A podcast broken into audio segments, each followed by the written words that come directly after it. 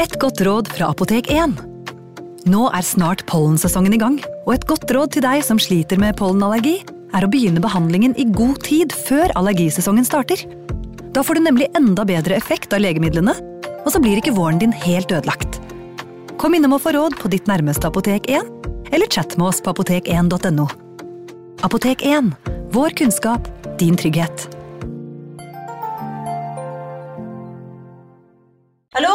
Jeg kommer fra Oslo politikammer. Ine Jansen er purk. Er du purk? The motherfucking bitch. Alt jeg vil, er å finne ut hva som skjedde med mannen min. Jon Carew. Er jeg sikta for noe? Iben Akeli. Det er du. Ole So, Lars Berrum og Big Daddy Karsten. Hvem sin side er du på, egentlig? Anette Hoff, Tone Danielsen, Kommer du fra Afrika? Jørnis Josef, Nesten. Kløfta. Trond Espen Seim, Det er synd å si det, men det var feil mann som døde. Purk. Premiere tirsdag på TV2 Play. Advarsel. I denne podkasten vil du høre historier basert på informasjon programlederne har funnet selv. Programlederne står ikke nødvendigvis inne for meninger og syn som fremstilles. Noen påstander kan avvike fra virkeligheten.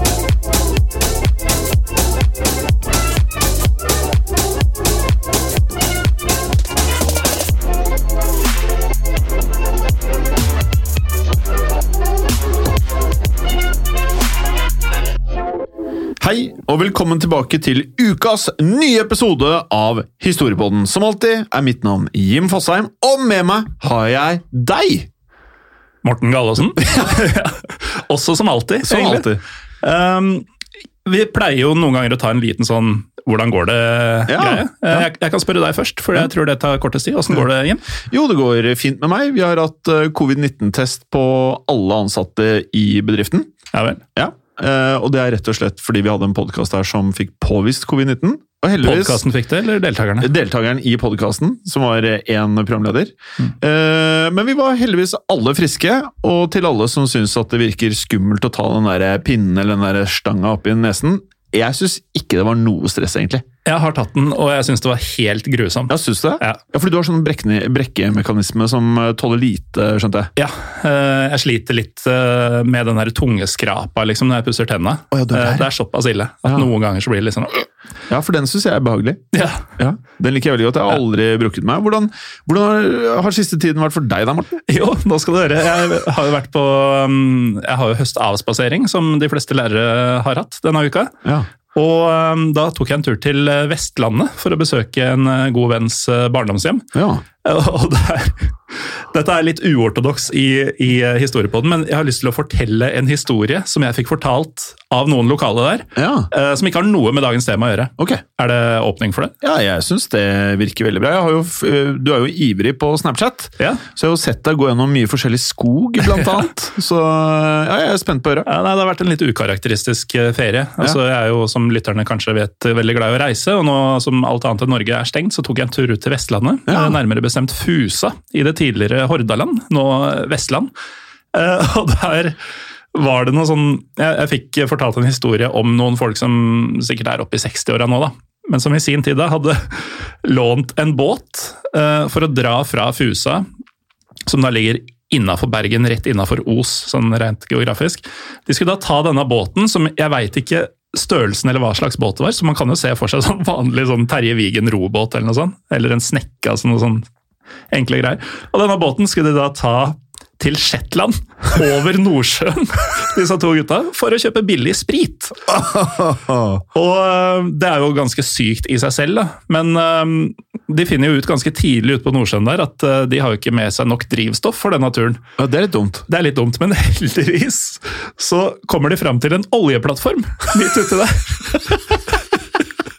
Og de har ikke med seg eh, De har liksom ikke med seg noen megafoner eller noe sånt. Så han ene står på dekk og driver og eh, liksom vifter med hendene og roper og hoier og sånn. Og til alt overmål så får de firt ned et fat med altså diesel eller hva det er de trenger. da. Så de fikk faktisk eh, drivstoffet de trengte fra denne oljeplattformen av å stå og rope der. Og så kommer de jo etter mye om og men fram til Shetland, da. ganske Ja. utrolig i seg selv. Eh, bare for å finne ut at de har brukt altfor lang tid over. Så han ene av disse to han må bare kaste seg på flyet hjem fordi han skal jobbe i morgen. Ja. Så da er det bare én fyr igjen, da, og det er visst ikke nok til båtturen tilbake. De må være minst to.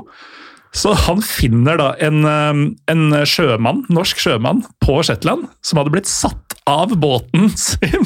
Så han hadde ikke fått være med videre liksom, på, på ferden videre. Og det var et år siden! Han hadde bare vært stranda på Shetland i et år! Og Da kan man jo tenke hvor ressurssvak denne fyren er, da, som bare på et år ikke greier å komme seg noe sted. Så han ble jo gjerne med, da. så de lasta båten full av billig brennevin og disse to gutta, som jo ikke kjente hverandre. Og eh, reiser jo da tilbake mot Vestlandet over, over denne lunefulle Nordsjøen. Ja. Og det går ganske bra. Men eh, han eh, nye fyren han eh, skulle bli satt av eh, på Os, som er sånn rett før du kommer fram til destinasjonene. For der skulle han bli henta, uten at jeg skjønner, for dette er en god stund tilbake. Det var han som var stranda et år. Ja, Ja. Jeg skjønner ikke hvordan han hadde fått kommunisert det fra ute på Nordsjøen, at nå kommer jeg til Os om en dag, liksom. Men, eh, men det hadde han greid, da. Så han ble satt av der, og så er det da bare han originale fyren som skal ta sjarmøretappen inn, i- inn i fjorden der, og har klart det, liksom. Og da kommer havnevesenet, da, som sikkert har fulgt med på radaren hele tida. Og bare sånn, ok, nå slår vi til, for nå kommer han i land straks. Eh, Så han begynner å bare hive alt av flasker og kasser og sånn over bord. eh, Og ender da med at han blir stoppa og sånn, men det var ikke noen beviser, så han fikk en bot. Eh, Og så er egentlig historien over, bortsett fra at han som hadde stått og kasta all spriten i, i fjorden der han bodde, han fikk en ny hobby da, like etterpå. Vet du hva det var? Brygge noe sprit. Nei, han ble dykker. Jeg kan tenke meg de oppe i òg. Ja. likte å fortelle historien. Ja, det var fin. Altså. Nå er jo jeg sånn tredjegradsforteller av dette. Det er mye morsommere når de sitter med sånn detaljer og fusa-dialekt. Ja. Og slår seg på beina. Ja, da lo jeg så jeg grein. Altså, det er så mange ganger du tror at nå er det ferdig, og så er det bare en ny syk ting. Du kan jo prøve å fortelle den med dialekt neste uke. Mm. En gang til, bare med Ja. Fuså-dialekto. Hvordan prater de der, forresten? Eh, ganske, ganske sånn det er. Mykje o-endelser. Mye. Mye osødelsensa. Ja. O-søyro og sånne ting. Fuså. Men det var en fet story, da. Jo, takk. Men jeg synes det morsomste det, det, det morsomste er jo at du går gjennom Du risikerer livet for å kjøpe noe sprit på Shetland, og så må du få ned det der fatet fra den der oljeplattformen. Det høres jo litt for sjukt ut til å være sant, men det er jo åpenbart sant, da. Ja, det er en gjengangerfortelling der ute. Ja. Og ja, De var navngitt, de to som var med. og sånn. De, det sa meg jo ingenting, da. Sånn sett passer det jo veldig bra inn i storbånden, for det har jo skjedd. Ja. Og det kan kanskje skje igjen. Kanskje det har skjedd flere ganger. Det kan fort ha skjedd på Fusse og opptil flere ganger.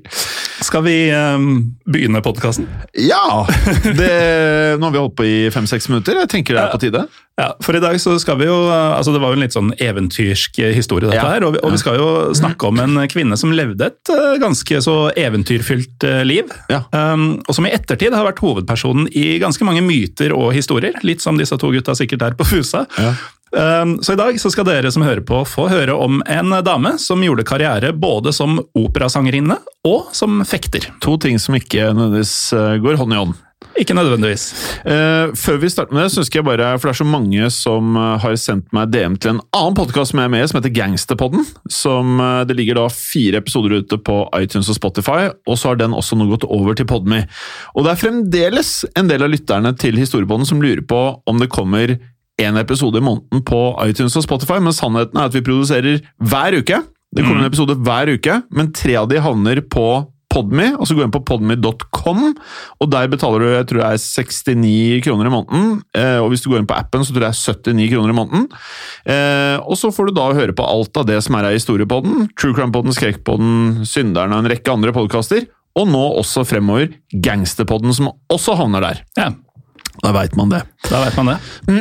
Men denne operasangerinnen og fekteren eh, Hun hadde et, eh, et navn også, som ikke er så lett å si, syns jeg.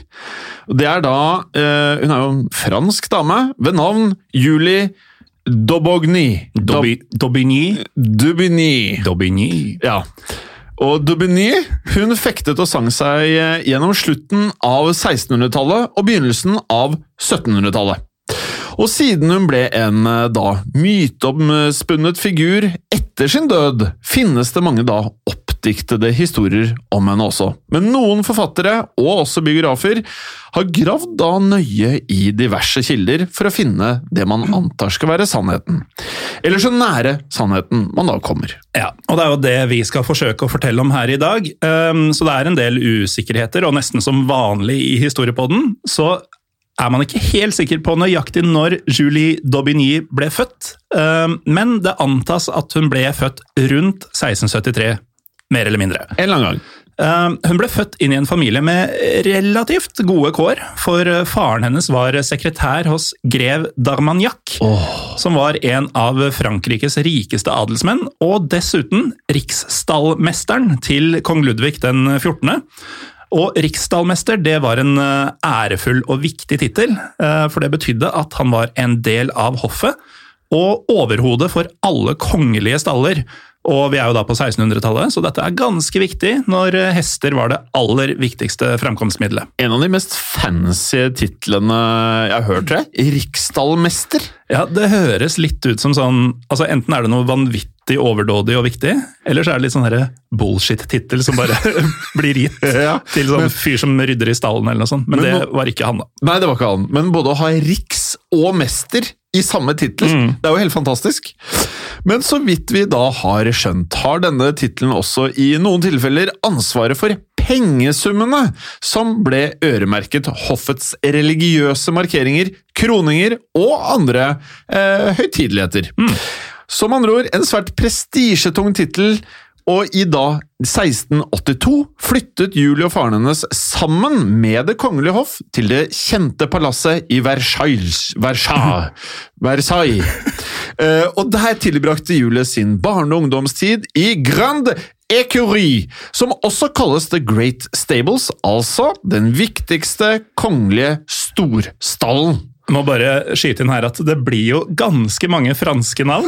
Uh, og vi som ikke engang greier liksom nordnorske navn ordentlig, eller, eller Fusa-dialekt, som vi illustrerte Fusa. tidligere, så uh, det, det blir litt varianter, Ja, det kan bli noen eh, som vi sier varianter. på Romerike. Men vi, vi må prøve så godt vi kan. Ja. Ja, Og i denne Grand Écurie i eh, Versailles, så var ikke Det var veldig bra, da. Takk. Jeg hadde jo fransk på ungdomsskolen. Jeg hadde tysk. Tydeligvis. Det- Men i hvert fall i denne storstallen da, så var eh, ikke faren hennes bare sekretær, eh, for han var også en dyktig fekter. Ja. og Derfor så trente han kongens pasjer i fektekunsten.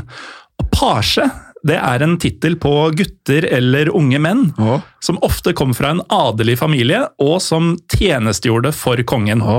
Og Julie hun var sin fars eh, eneste barn, og derfor trente han også henne opp til å fekte. Og hun kledde seg da i gutteklær, og trente sammen med de andre pasjene. Derfor ble Julie flink til å fekte allerede tidlig i livet. Ja, men når hun ikke trente, så falt hennes øyne på menn! For allerede i en alder av 14 hadde hun blitt elskerinnen til en høyrestående adelsmann. Dette var ikke en hvilken som helst adelsmann, det var nemlig grev d'Armagnac, altså riksstallmesteren. Og det var jo selvfølgelig noe som kom til å bli fullstendig skandale om det ble kjent, for eh, den ærbødige og ikke minst gifte adelsmannen Dermaniak han kunne jo ikke bli avslørt for et forhold til en ungpike.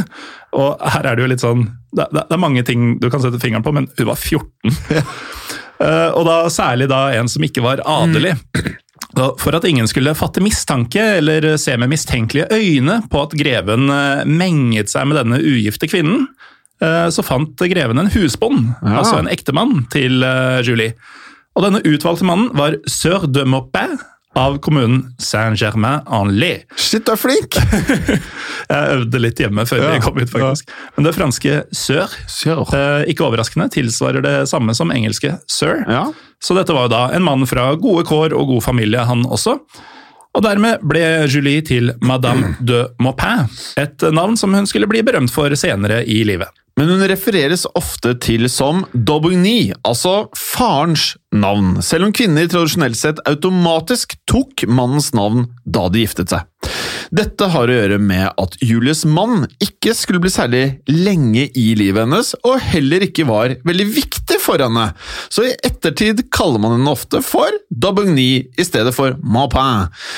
Sør de Maupin ble spesielt utvalgt av grev de Magnac til å bli Julies ektemann fordi han var en ganske så stillferdig og sjenert mann som gjorde lite ut av seg. Greven visste at hans elskerinnes nye mann ikke ville si ham imot da grev d'Armagnac erklærte at han ga ham en jobb ute i da det som ses på som provinsene, med å samle inn skatt. Og dette var da en jobb som jo kom med litt eh, prestisje, men viktigst av alt, i hvert fall for greven, så var den langt unna. Og Maupins nye kone, altså Julie, hun skulle selvsagt ikke være med på denne turen, mente greven. Hun måtte jo bli i Versailles. Og uh, de Maupin han uh, dro jo av gårde, han, og lot kona være igjen, akkurat som greven sa og hadde planlagt. Og Noen kilder påstår at uh, han ble sendt vekk allerede morgen etter bryllupet. Det er jo ganske effektivt, Ja, det går må man jo si, da. Og da var planen at ingen i hoffet skulle murre så mye om, om greven og Julie, for hun var jo nå gift! Ja, En glimrende plan fra grevens side, så han nå kunne få Julie helt for seg selv uten å vekke noe som helst av mistanke. Ja, og um, ja, Det var jo en glimrende plan fra hans side, som du sier, men det var et bitte lite problem her. Og Det var at uh, Julie, og dette skal gå igjen veldig mange ganger i fortellinga, Ja. hun var av den uh, mer rastløse typen. Uh, altså en sånn person som raskt begynte å kjede seg. Ja. Julie hun ville ut og oppleve livet, og veldig snart så ble hun lei av å være grevens uh, elskerinne. Og En dag rømte hun i stedet med en ny flamme, denne gangen en fektemester. Ja, og Daubigny og fektemesteren, som da var en mann ved navn Zeran, Zeran rømte til Marseille.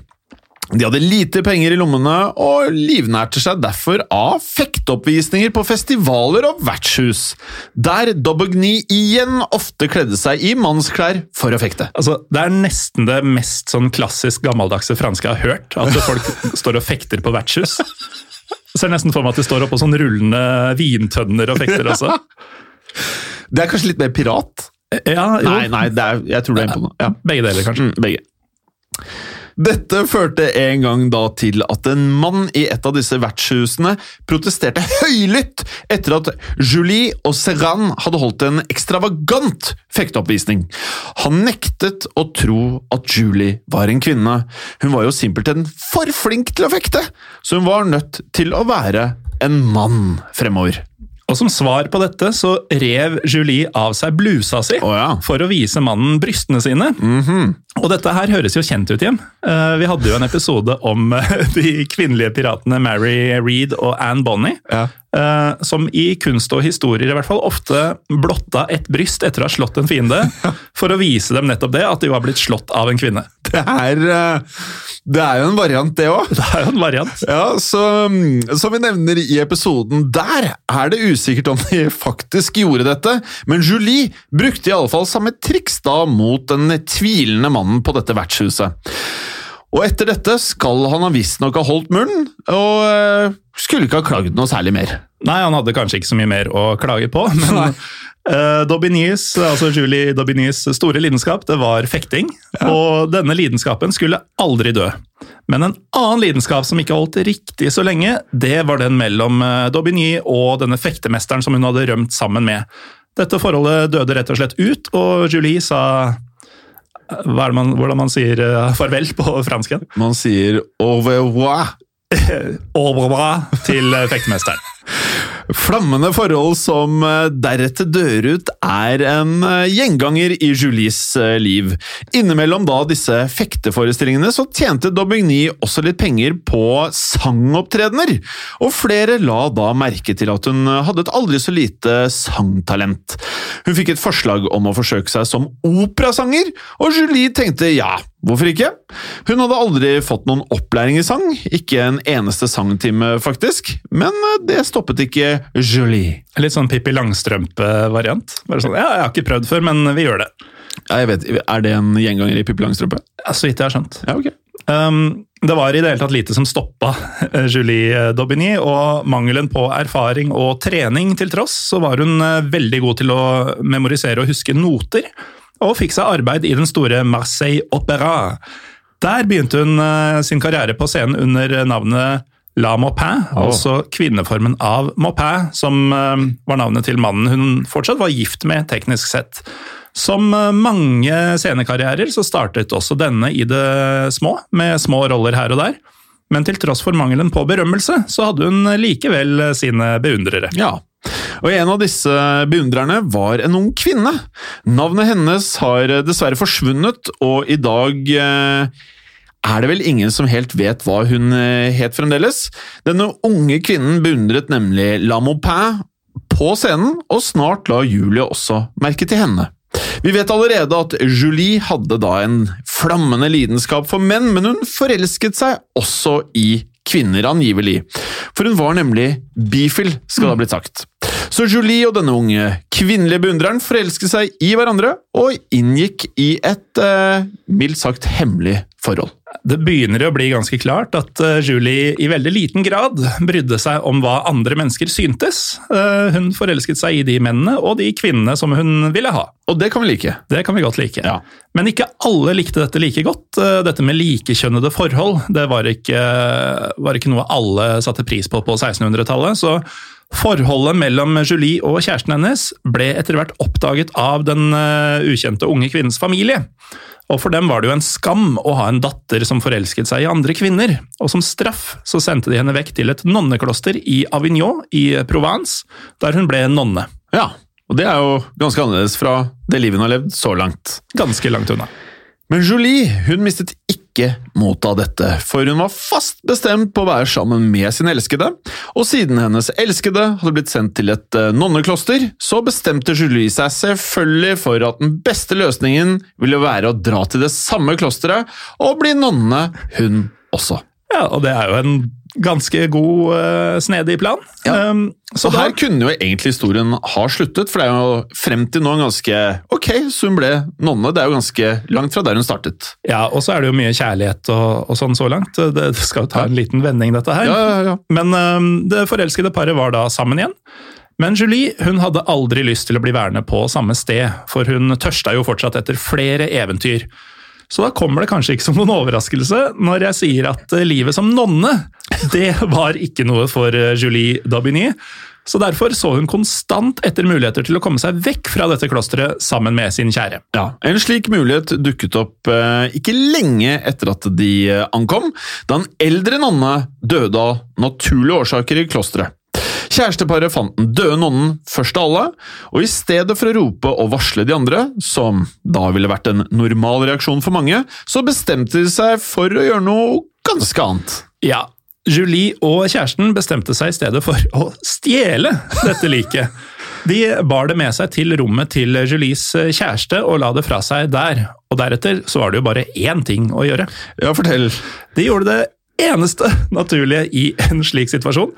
De satte fyr på klosteret. Veldig naturlig reaksjon.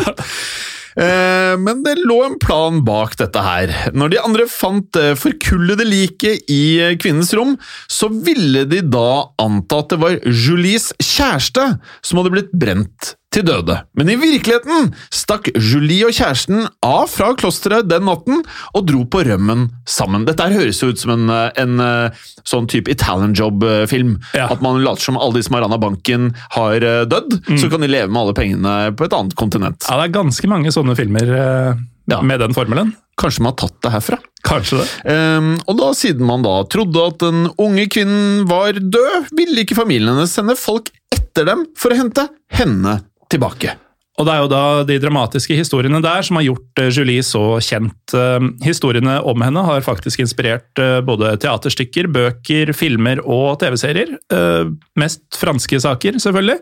Men det er mulig noen av bøkene eller seriene eller filmene for den saks skyld har blitt oversatt. Det kan vi jo sjekke ut, men også dere som sitter der hjemme, eller på trikken, eller på, på, på skogshylla et eller annet sted. Sitter folk på Nei, skogshyllen? var det Hva er det? fjell, fjellhylle? Det var det jeg mente. Ja. I skogen. Tenkte skohylle. Altså. Ja, skohylle.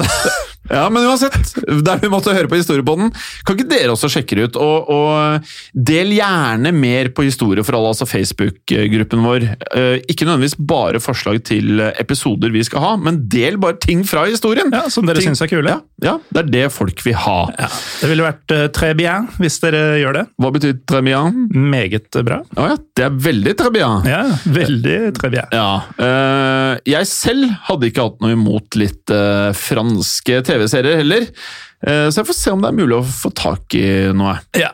Men tilbake til Julie, da. Ja. Eh, Julie og elskerinna hennes satte da altså fyr på klosteret og rømte sin vei. Og mens de to var på rømmen, så ble Julies eh, sak tatt opp i retten, og hun ble faktisk erklært død av myndighetene i Provence. Hun ble både erklært skyldig i ildspåsettelse, og deretter erklært død in absentia, Ja. som det heter. Og det betyr at man erklærer noen død når de har vært savnet lenge nok, selv om man da ikke har funnet levninger eller beviser rett på at de faktisk er døde. Ja, mm.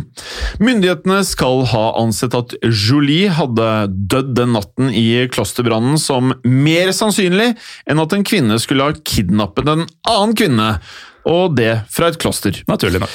Naturlig nok. Det ble rett og slett for urealistisk, da. Ehm, Så dermed ble Julie de Maupin erklært død. Men alt dette visste ikke Julie og kjæresten hennes, for de var på rømmen i tre måneder.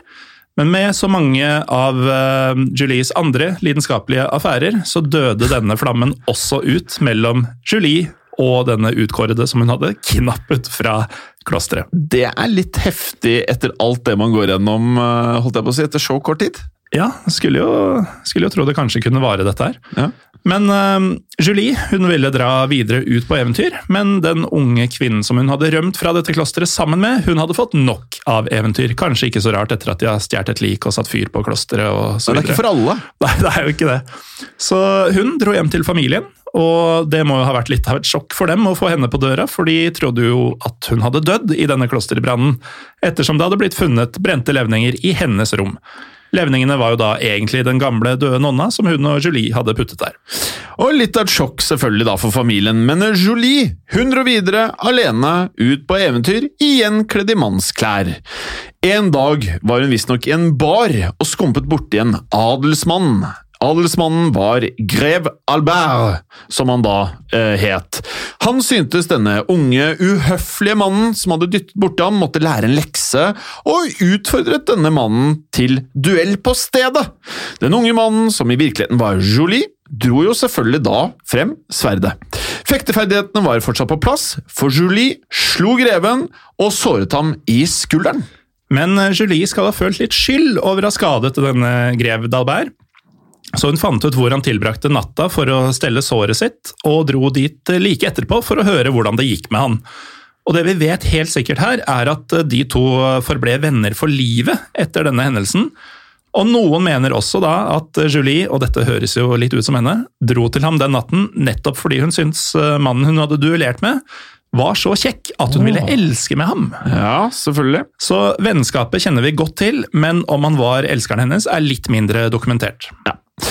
Ja, ikke alle kunne fortelle at eh, kvinnen som hadde slått dem i duell etterpå, kom til dem på samme, eller på samme natt da, for å elske med dem. Eh, Men Julie holdt seg ikke i ro lenge, og om eh, det var en romanse i tillegg til vennskap mellom henne og greven, så varte ikke det lenge, det heller. Nei, For eventyret kalte jo alltid på Julie. Ja. Operakarrieren den lokket igjen, og Julie begynte å ta sangtimer hos en pensjonert lærer. Og der traff hun også en mann ved navn Gabriel Vincent Tevanar. Og akkurat som Julie lengtet han etter en sangkarriere, han også. De to fant tonen, og ikke overraskende så ble de snart elskere, disse to også. Disse to også. Det er vel snart ikke et menneske som har vært involvert i livet til Julie, som hun ikke har ja, hatt det litt hyggelig med. Ja. Um, Litt sånn som ditt liv. I hvert fall så dro disse to eh, sammen til Paris for å gjøre sangdrømmen til virkelighet. Det var bare en liten eh, bagatell som sto i veien for eh, Julie.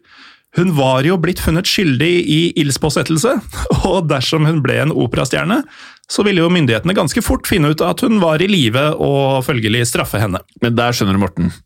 Der er Julie god, for hun hadde selvfølgelig en plan. Hva denne gikk ut på, skal dere føre mer om etter pausen. Da er vi tilbake i Paris. Paris! Paris, og Julie har nettopp ankommet sammen med elskeren Denevar. Han dro til eh, Pariseroperaen på audition allerede første dagen, men Julie hun kunne jo ikke gjøre det samme riktig ennå, for først så måtte hun besøke en gammel venn, eller nærmere bestemt, naturlig nok med henne, en gammel elsker. For den som hadde makten til å benåde noen for deres kriminelle gjerninger, det var ingen ringere enn selveste kongen. Og heldigvis for Julie d'Aubigny så kjente hun jo en mann som var svært tett med kongen. Ja, det var selvfølgelig grev d'Armagnac, eh, hennes første elsker, eh, som hun da besøkte. Hun ba ham om å overbevise kongen om å benåde henne for denne lille ildspåsettelsen i Provence. Eh, det virker ikke som greven var veldig bitter over at hun hadde rømt fra ham tidligere, for han lovte å tale hennes sak for selveste kongen. Og mens Daubigny snakket med greven, så gikk det riktig bra med hennes nåværende elsker Tenevar i Pariseroperaen. Han gjorde en så overbevisende audition at operaen ville ansette han på stedet. Og han ville gjerne bli ansatt, sa Tenevar, men kun på én betingelse. Julie Daubigny måtte også få lov til å komme på audition. Smart. Dette svarte de ja til, og da Julie kom på audition, fikk også hun raskt et jobbtilbud. Faktisk eh, likte operaen henne så godt at også de gikk til kongen og ba ham benåde Julie, slik at hun kunne unnslippe straffen sin. For denne straffen ville ikke være liten. Hun hadde tross alt blitt funnet skyldig i ildspåsettelse og for å ha stjålet et lik, og straffen var faktisk døden. Men etter press fra både den høytstående grev d'Armagnac og fra den prestisjetunge pariseroperaen, så ble kongen overbevist han om å benåde Julie for hendelsene i Provence. Og bra for henne, og bra for oss, for det betyr at vi har enda flere historier fra livet til Julie å by på. For det hadde jo vært synd om livet hennes endte på dette tidspunktet, hvor hun kun var blitt 17 år, og det er ganske utrolig! Det er helt sjukt. Altså, alt vi har hørt om henne nå, alt det skjedde da i tidsrommet mellom 14 og 17 år. Og det, det kan jo sies å være et rimelig voldsomt uh, ungdomsopprør. Ja. Eh, for Julie har uh, enda flere deilige historier til oss i denne episoden. Sangtimene hadde hjulpet Julie kraftig, og med det antallet elskere hun hadde, så blir det naturlig å anta at hun hadde en naturlig sjarm, da. Det høres jo sånn ut. Ja, litt sånn som deg. Den kom godt med på scenen, for Julie, med scenenavnet L'Homme Pain, ble en sensasjon. Fra 1690 til 1694 var La Maupin med i alle operaens storproduksjoner, og Julie ble nærmest en kjendis. Ja, for hun ble en av operaens store stjerner og sang seg inn i publikums hjerter. De fire årene var hun parisernes kjære La Maupin, men etter fire år fikk karrieren et lite avbrekk, for livet til Julie det skulle ta enda en ny vending. Den store La dro nemlig på hoffball, og under La Maupin-personaen, eller scenenavnet, var hun fortsatt Julie Dabonga. Og hun var ikke akkurat en som var opptatt av å følge de sosiale normene man forventet av en operastjerne. Har du bare gitt opp nå, eller? Eller de normene man forventet av en kvinne på den tiden, da, for sakens skyld. Ja, og Julie hun gjorde jo selvfølgelig akkurat som hun ville, som hun hadde gjort hele livet fram til nå. Så hun dukket opp på et hoffball i mannsklær, fordi hun følte for det. Ja. Og vi vet jo at tradisjonelle kjønnsroller ikke betydde noe som helst for eh, henne. Bare det å komme i mannsklær det var jo litt skandaløst i seg selv. Men Julie eh, stoppet ikke der. Hun bød opp en ung, vakker kvinne til dans, for deretter å kysse henne midt på dansegulvet. Ja. Samfunnet så ikke akkurat med blide øyne på de to kyssende kvinnene på denne tiden, og dette ble derfor fullstendig skandale. Ja, Vi er jo tross alt ikke kommet til 1700-tallet engang. Ikke mindre enn tre adelsmenn syntes dette var så uhørt og så skandaløst at de utfordret Jolie til duell der og da, for å forsvare æren til kvinnen som Julie hadde kysset. Men dette bekymra ikke Julie nevneverdig. Hun gikk bort til hver og en av disse tre og avtalte at jo da, jeg skal møte dere utenfor. Da hun endelig kom ut og møtte de tre rasende adelsmennene, så erklærte hun at hun ikke skulle duellere med dem én og én. Nei, Julie skulle duellere dem alle tre samtidig. og, det, og for en lytter av dette som ikke har hørt noe om denne historien tidligere, så høres det ut som rent oppspinn. Eh, helten duellerer da tre personer på én gang. Sånt eh, skjer jo kanskje ikke ofte i virkeligheten, men det har skjedd, som eh, vi da sier her i Historiepodden. Ja, vi har eh, sagt det før, og vi kommer til å si det igjen. Føles sånn. Uansett, Julie duellerte altså tre adelsmenn samtidig, og det høres helt vilt ut dette her, men Julie slo alle tre. Ja. Og dette er jo noe man burde ha sett, selvfølgelig. Ja. Um, vi hadde jo en tidsmaskin vi, som vi pleide å ha i første sesongen av Historiepodden. Jeg hadde tatt tidsmaskinen tilbake til det her, ja. Ja, For de som ikke kjenner til det, så var det jo at vi satt og diskuterte hvorvidt vi ville reise tilbake Ja. og opplevd det vi har Ja. snakka om, og akkurat det her hadde jeg også blitt med på. Ja. Grunnen til at vi ikke hadde med tidsmaskinen veldig mange sesonger etter sesong én, var at vi egentlig aldri ville tilbake i tid, for alt var så for, mye mer forferdelig før i tida. Ja, men Det sier kanskje mest om tinga vi pleier å velge ut og fortelle om. Eh, Men det, det må ha vært litt av et syn, dette her. Men dessverre så fikk Julie nå et problem. For eh, noen år siden så hadde kongen nemlig forbudt dueller. Ja. Fordi han ikke ville at folk skulle avgjøre tvister seg imellom. Ja, for det var jo ikke akkurat sånn akkurat som en rettsstataktig ting å gjøre.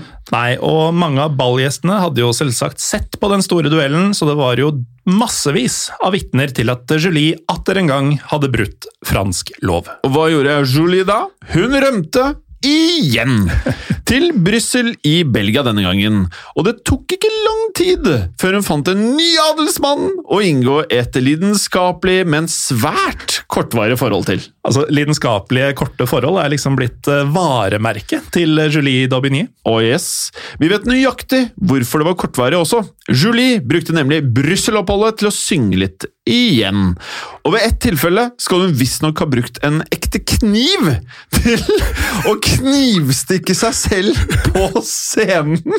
Det er jo rimelig voldsomt. Ja, hun eh, mente visst at en ekte kniv ga scenen den eh, dramatikken, eller dramaturgien, som den trengte da. Hun eh, såret seg ikke da på en spesielt alvorlig måte, for det var ikke poenget, men det var litt av et sjokk for alle som så på da. Jeg hadde i hvert fall blitt veldig sjokkert av å sitte i salen og fått med det her. Det høres ut som black metal. Ja, det vet jeg ikke så mye om, men jeg, det stemmer sikkert. Elskeren hennes syntes at Jules in, eh, intensitet ble alt. Intensita ble mye å håndtere, selvfølgelig kan jeg forstå det, og ønsket ikke lenger å være med en som knivstakk seg selv på scenen. Så Derfor så skal han ha gitt henne en stor pengesum på 40 000 frank. oh, ja? For å forsvinne og bare la han være i fred. Altså Send den gale, knivstikkende dama av gårde. Um, vi har dessverre ikke klart å regne ut nøyaktig hvor mye 40 000 frank fra slutten av 1690-tallet tilsvarer i norske summer, eh, norske kroner i dag. Men uh, vi vet jo at det er en ganske pen sum, Jim. Oh la la, som man kanskje hadde sagt på fransk, eller kanskje Ja. ikke. Julie var imidlertid ikke interessert i adelmannens eh, penger. Rasende kastet hun pengene på bakken ved budbringerens føtter, det høres jo ganske dramatisk ut, og ble avvist såret henne så mye at hun la hele Belgia bak seg, og i stedet dro hun til Madrid i Spania. Og der tok hun seg arbeid som hushjelp for en grevinne.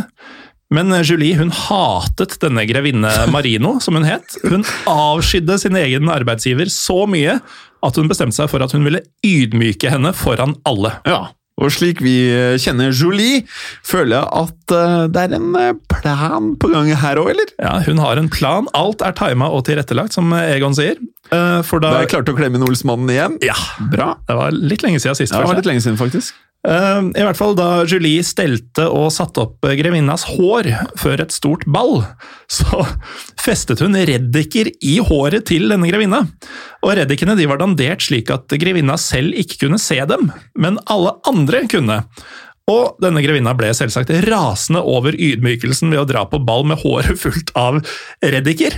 Men eh, lenge før hun kom hjem, så hadde Julie kastet seg på veien tilbake til Paris.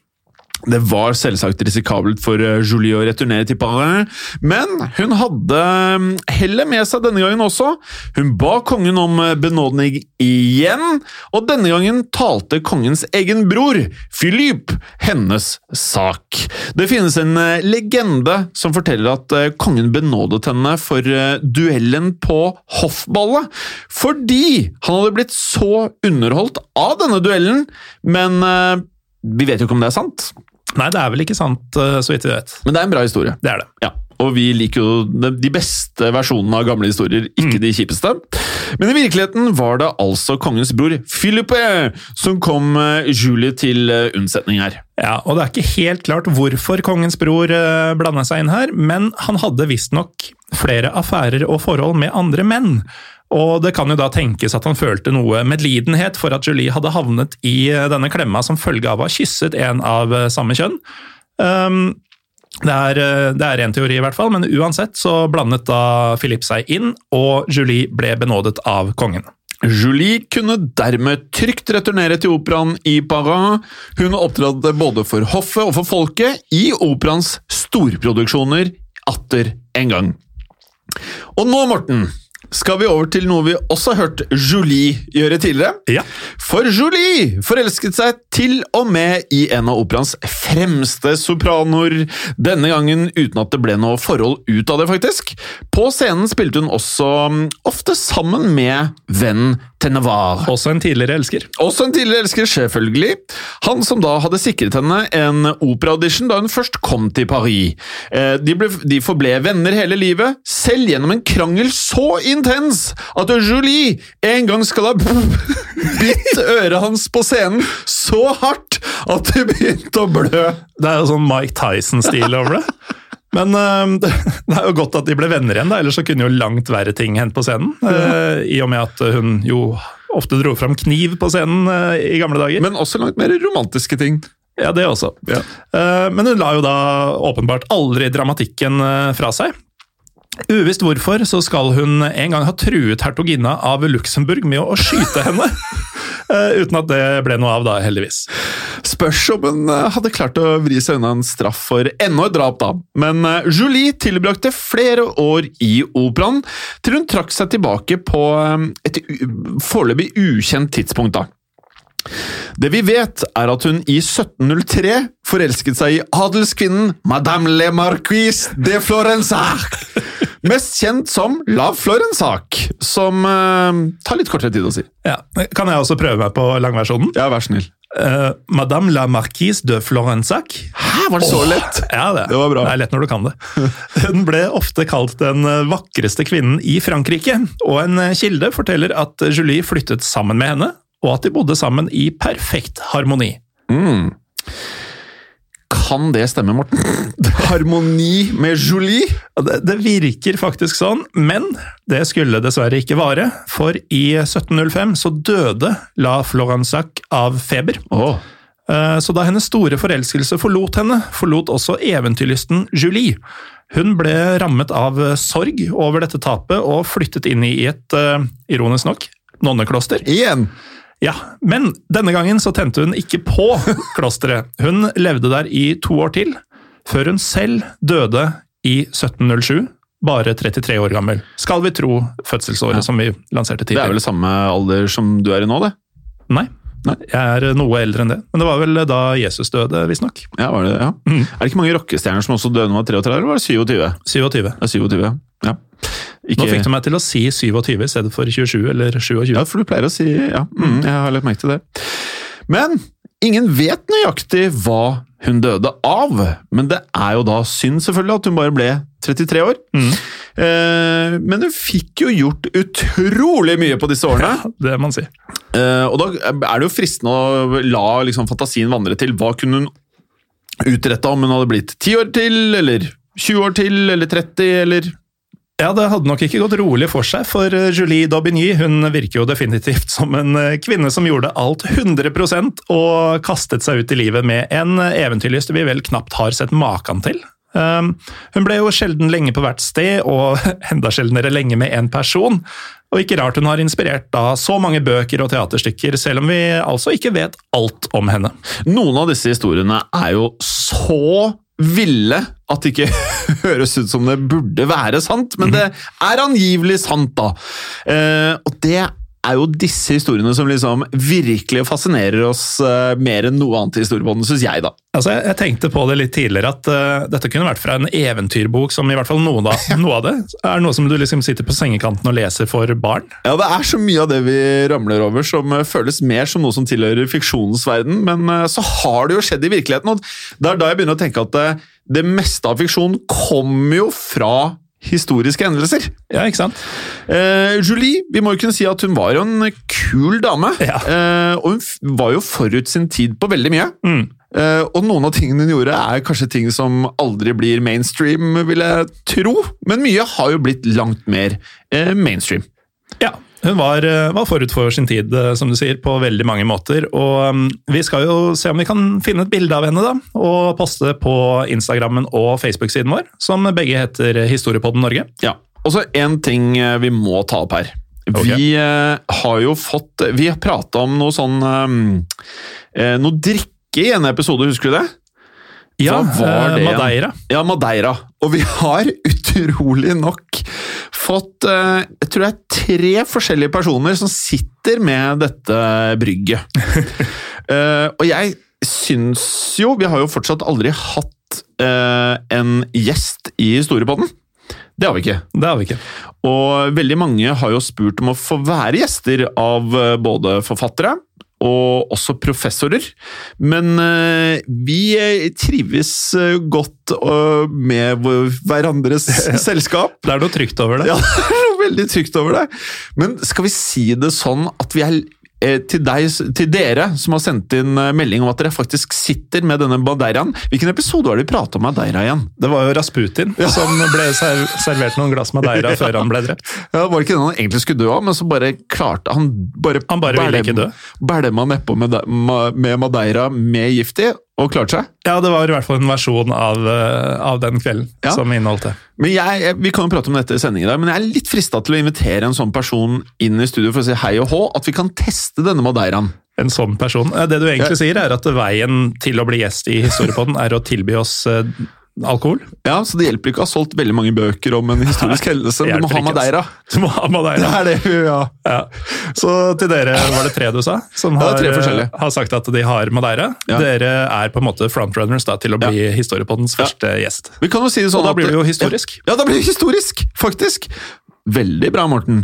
Eh, vi kan jo si sånn at eh, Send oss eh, gjerne en melding om hvor i landet du holder til, sånn at eh, det er greit at vi ikke skipper deg fra fra Madeira? Fra Madeira til Oslo. Hvis du bor i nærheten, så vil vi veldig gjerne invitere deg inn i studio til å drikke Madeira med oss. Det kan bli både behagelig og ubehagelig, men vi ønsker i hvert fall å gjøre det. Ja, det ønsker vi. Jeg vet ikke helt hvordan vi skal inkorporere det en episode av Historiepodden. Vi har funnet ut av sånt før. ja, vi kan finne det ut igjen. Også til dere der hjemme, send forslag til episoder. Jeg vet vi har vært sykt dårlig på å svare på henvendelsene. I hvert fall har jeg det på Instagram. Det har bare vært ekstremt mye, men jeg skal pløye meg gjennom. Og send oss gjerne bilder, for det har jeg ofte følt på. At uh, det er så vanskelig å finne bilder som jeg kan poste på uh, Historiepodden sin Instagram. Mm. Send gjerne inn forslag til bilder som vi kan poste, og det trenger ikke å være relasjon til noen av episodene heller. Det kan bare være et bilde fra en kul historisk hendelse, og gjerne noe tekst om hva som faktisk foregår på bildet. Og så ja. bare smeller jeg det rett ut på Instaen, ja, altså. Mm. Og med det Gå gjerne inn på podmy.com og abonner. Eh, dere kan jo faktisk få 30 dager gratis for å teste ut hva dere syns om dette her. Og på 30 dager så får du de neste tre-fire episodene som kommer eh, på Podme. Ja, for det har jo ligget en del episoder på Podme tidligere. Og det kommer til å ligge flere episoder uh, videre. Ja. Den der funka ikke så bra. og med det, Morten, så kan vi jo takke for i dag. Vi takker for i dag. Uh, og som vi nå har sagt veldig mange ganger i denne episoden, så det har skjedd! Og det kan skje igjen. Ha det bra. Ha det. I produksjon av Historiepodden så ønsker vi å takke Håkon Bråten for lyd og musikk. Takk til Felix Hernes for produksjon. Takk til Ellen Froktenestad for tekst og manus. Og takk til deg, Morten Galesen, for programlederrolle. Og takk til deg, Jim Fosheim, for programlederrolle.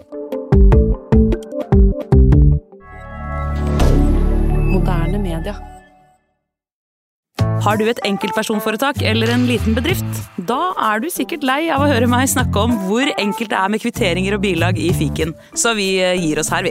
Fordi vi liker enkelt. Fiken superenkelt regnskap. Hei, og takk for at du lytter til Historiepodden. Skulle du ønske at du kunne høre en ny episode av Historiepodden hver eneste uke? Vel, da er det én ting å gjøre. Da kan du laste ned podkastappen Untold med det samme.